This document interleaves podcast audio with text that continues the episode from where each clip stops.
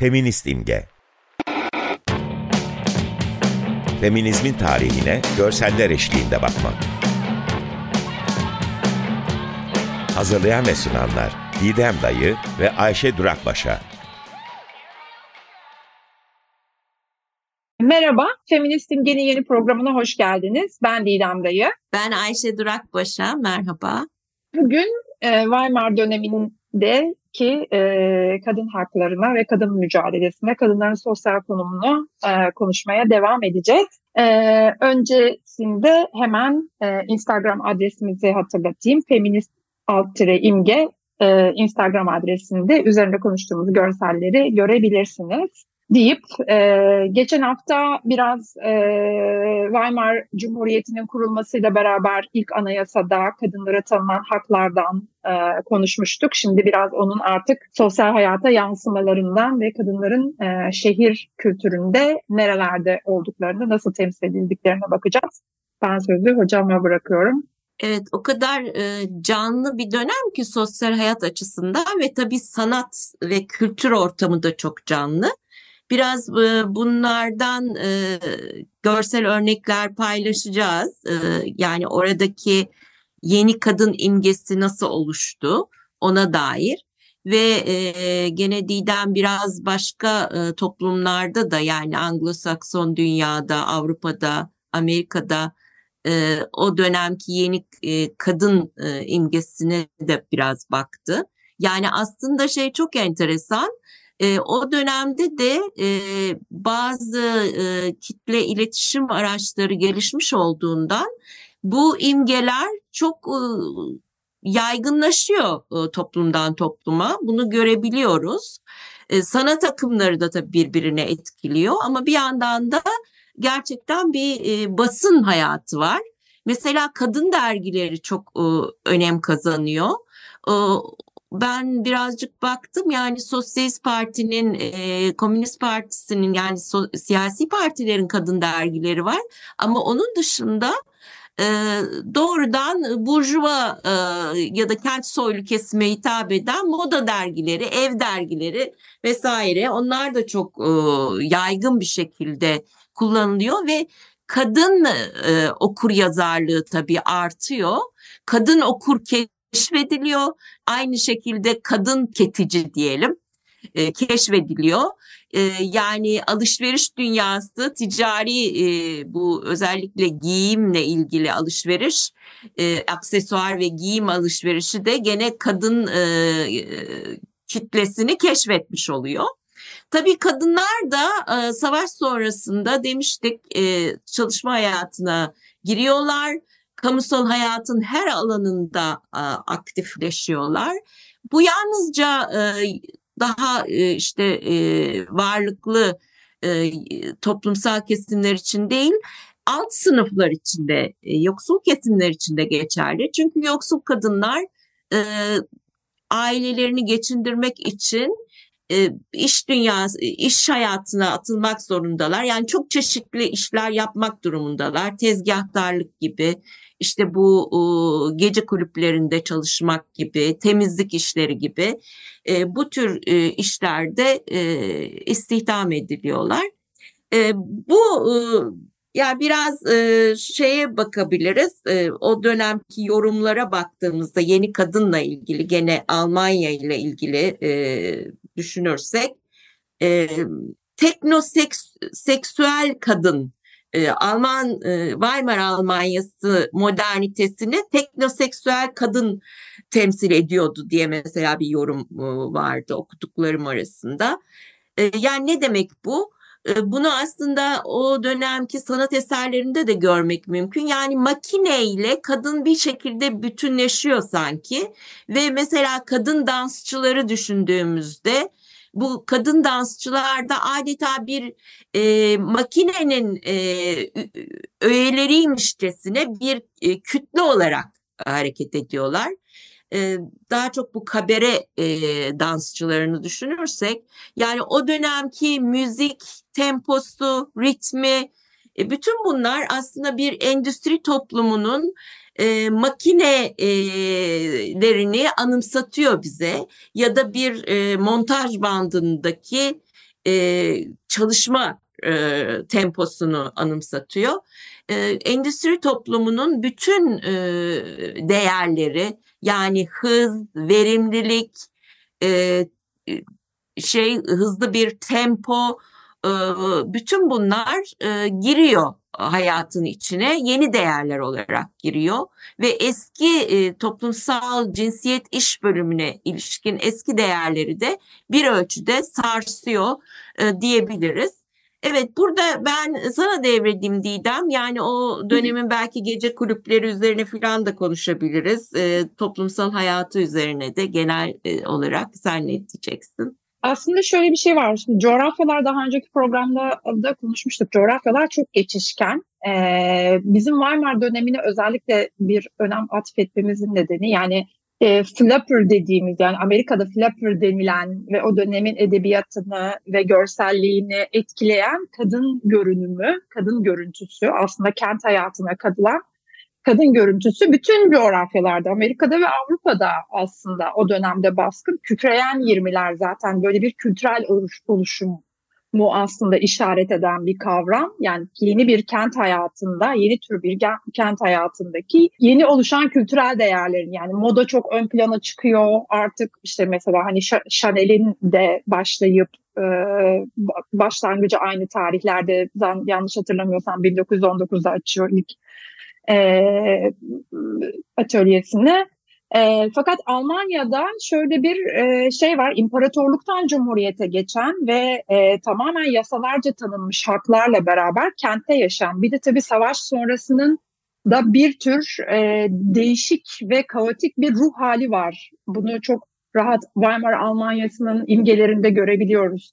Yani sanatçıların, temsilleri bir yandan e, paylaşacağımız görseller bir yandan o dönemin hızlı e, ve de renkli gece hayatını, kulüp hayatını aktarırken bir yandan da bir dünya savaşından çıkmış yorgun ve yenik bir e, ülkenin e, bu anlamdaki sosyal hayattaki kıpırdanmasının aslında başka türlü tezahürleri de var. Yani işte çok azalan erkek nüfusu, ondan sonra işte çeşitli e, ne bileyim bedensel e, sakatlıklarla dönen, e, engellerle dönen erkekler, işte mali o, o anlamdaki yani ciddi bir yoksullaşma ki çok kısa bir süre sonra ülkenin e, Birinci Dünya Savaşı sonunda işte ödemek zorunda olduğu tazminattan kaynaklanacak olan da ciddi bir buhran var bir yandan.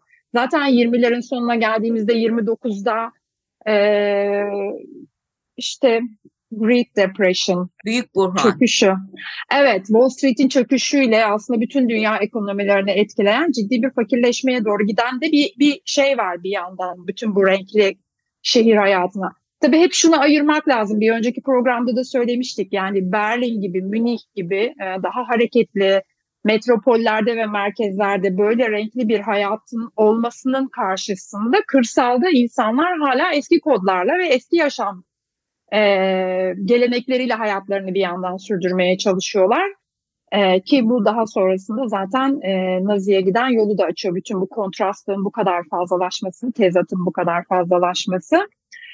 E, ilk e, olarak herhalde bu görüntüyü yani şimdiye kadar paylaştıklarımızdan gerçekten dramatik bir şekilde ayrılan e, kadın görüntüsünü tabii dediğim gibi yani bu dönemde Amerika'da da var Avrupa'nın büyük metropollerinde de e, bu kadınlara rastlamak mümkün. E, fakat Weimar'da söylediğimiz gibi e, kanunlarla e, tanınan haklarını kullanmakta daha serbest davranan bir e, bir kent yaşamı aslında oluşuyor burada.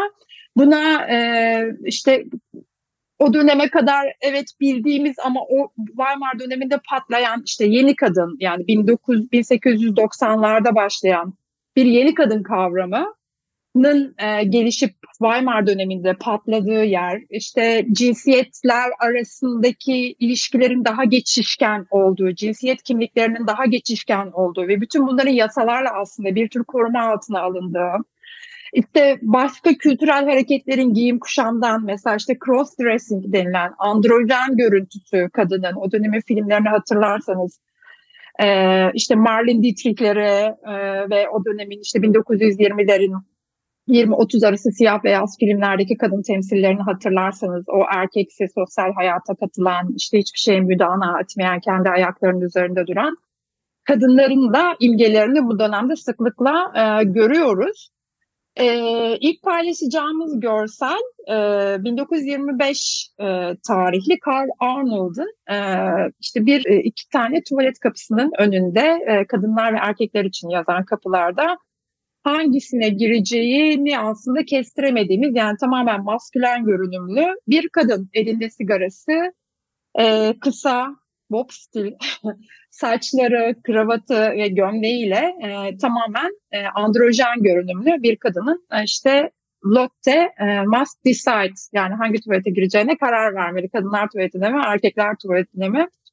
Başlıklı bir karikatür e, paylaşacağız ilk başta sizinle. Hemen arkasından... E, bir şey söylemek istiyorum. Aslında bu toplumsal değişme dönemlerinde e, çok görülen bir şey. Yani toplumsal cinsiyet e, kalıplarında e, bir e, bulanıklaşma e, ve e, o kalıpların yıkılması söz konusu oluyor, sarsılması söz konusu oluyor. Bu dönem de öyle bir dönem. Yani savaş sonrası olması da gene onunla ilgili de çok güzel e, yorumlar okudum. Yani erkeklerin bir güç kay çünkü Almanya bir de savaşı kaybediyor ve e, erkekler orada erkekliklerini yitirmiş gibi de hissediyorlar. Yani erkekliğe ilişkin bir endişe de var aslında erkeklerde. Onu da unutmayalım. Kadınlar bir yandan hani e, savaşın getirdiği imkanlarla e, bu kamusal hayata girerken erkekler ise e, hem savaş yorgunu ve e, savaş kurbanı olarak dönüyorlar savaştan bir de yenik olarak dönüyorlar. Yani bir kaybedilmiş alan da söz konusu. Bütün bunları şey için de hatırlamamız lazım. Bu dönemin hemen sonrasındaki Nazi dönemi ve oradaki erkeklik anlayışını analiz ederken de bu dönemi hatırlamakta fayda var. Evet, e, hemen arkasından zaten e, baktığınız zaman aslında e, basında bu, bu e, onaylayan veya karşı duran bir anlayış değil de aradaki bu e, yani gerilimi köpürten görsellere işte biraz önce bahsettiğimiz karikatür gibi daha aslında sıkça rastlamak mümkün. Yani tabii ki evet kulüp e, şeylerine baktığımız zaman LGBT e, yayınlarına baktığımız zaman başka bir dünya var ama e, ana akım medyada aslında bu bu geçişi e, biraz artık karikatürize eden de bir anlayış söz konusu. İkinci paylaşacağımız e, görsel böyle bir kapak e, görseli. Berlin Illustrated Zeitung'un e, 46. sayısından 1927 tarihli bir e, kapak görselini paylaşacağız sizinle. E, merkezde bir çift e, var. Çift e, belden yukarısı neredeyse aynı. Yani saç yani bir kadın ve bir erkek ama güzel saç biçimleri, ceket, kravat ve işte hareketleri e, ellerinde sigaralarla e, işte yani ikisi de aslında yani kadın erkek tanımlamasının tam ortasında duran iki tane figür var. Ve arka tarafta daha geleneksel e, bir kadın erkek temsiliyle iki bir kadın bir çift e, konuşuyorlar ve onların da bir arka planında bir yaşlı adam yani daha geleneksel değerleri temsil eden bir adamın e, onları hiç de onaylamayan bakışının olduğu bir e, kapak e, görseli. Al, ya, yaptığım alıntıda sol taraftaki yaşlı adam hayal kırıklığına uğramış ve yargılayıcı gözüküyor diyor. Amerika'dan etkilenen modayı ve liberal ifadeleri onaylamayan muhafazakar Almanlara benziyor. E, bu bazı Almanların yeni kadını reddetmesini temsil ediyor bu görsel diye yorum yapmışlar yaptığım alıntıda. E, ve de Evet bu şeyin... geleneksel Almanlar bir de Amerikan Amerikanlaşma olarak nitelendiriyor. E, evet, bu e, şeyi evet. yozlaşmayı. O da enteresan. Evet. Evet, e, kapağın altındaki zaten soru aslında tam da işte bu bu dönemdeki basın yayın kuruluşlarının do, do, durduğu noktayı gösteriyor bize. Mia Hanım'a ne diyorsunuz diyor yani bir şey belirtmeden tamamen izleyiciye bırakarak ve olan durumu illüstre ederek e, ikinci paylaşacağımız görsel bu. E, tabii bu, bu görselleri çoğaltmak çok mümkün. E, yani çok fazla ve işte Ayşe Hoca'nın biraz önce söylediği gibi çok hızlı ve yükselişte olan bir basın yayın hayatı var. Yani kitle iletişimi çok hızlı gelişiyor burada. Yine fotoğrafın kullanımı çok yaygın olduğu için e, hem sanata e, bunun bir etkisi var hem de günlük e, yayınlanan görüntülere e, çok önemli bir etkisi var.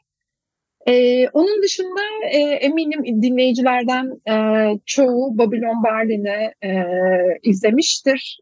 Geçtiğimiz dönemde bayağı e, gürültü koparan ve o dönemin kültürel iklimini e, bence canlandırmakta son derece başarılı olan bir polisiye uyarlaması aslında kitap serisi olarak çıkan.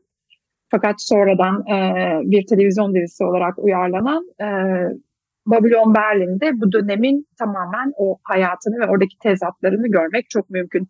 Yani renkli gece hayatı evet ama bunun dışında mesela fahişeliğin çok yaygınlaşması e, ve fahişeliğin kurallarının devlet eliyle konması. Mesela bir dönemde ben de kaynaklarda tabii biz bu programları hazırlarken Ayşe Hocam'la o kadar çok kaynak paslaşıp o kadar çok şeyi okuyup tarıyoruz ki ee, bazılarını nereden aldığımızı gerçekten veya nereden okuduğumuzu hatırlamak mümkün değil.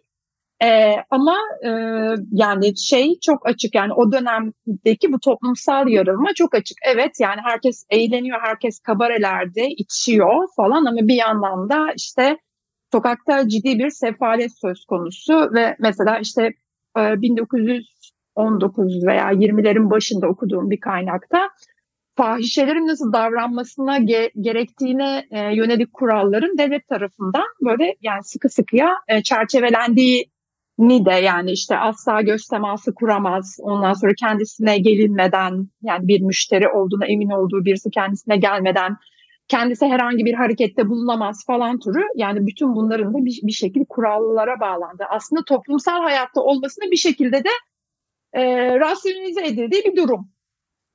Ama bir de şey var ya frengi hastalığının yayılması.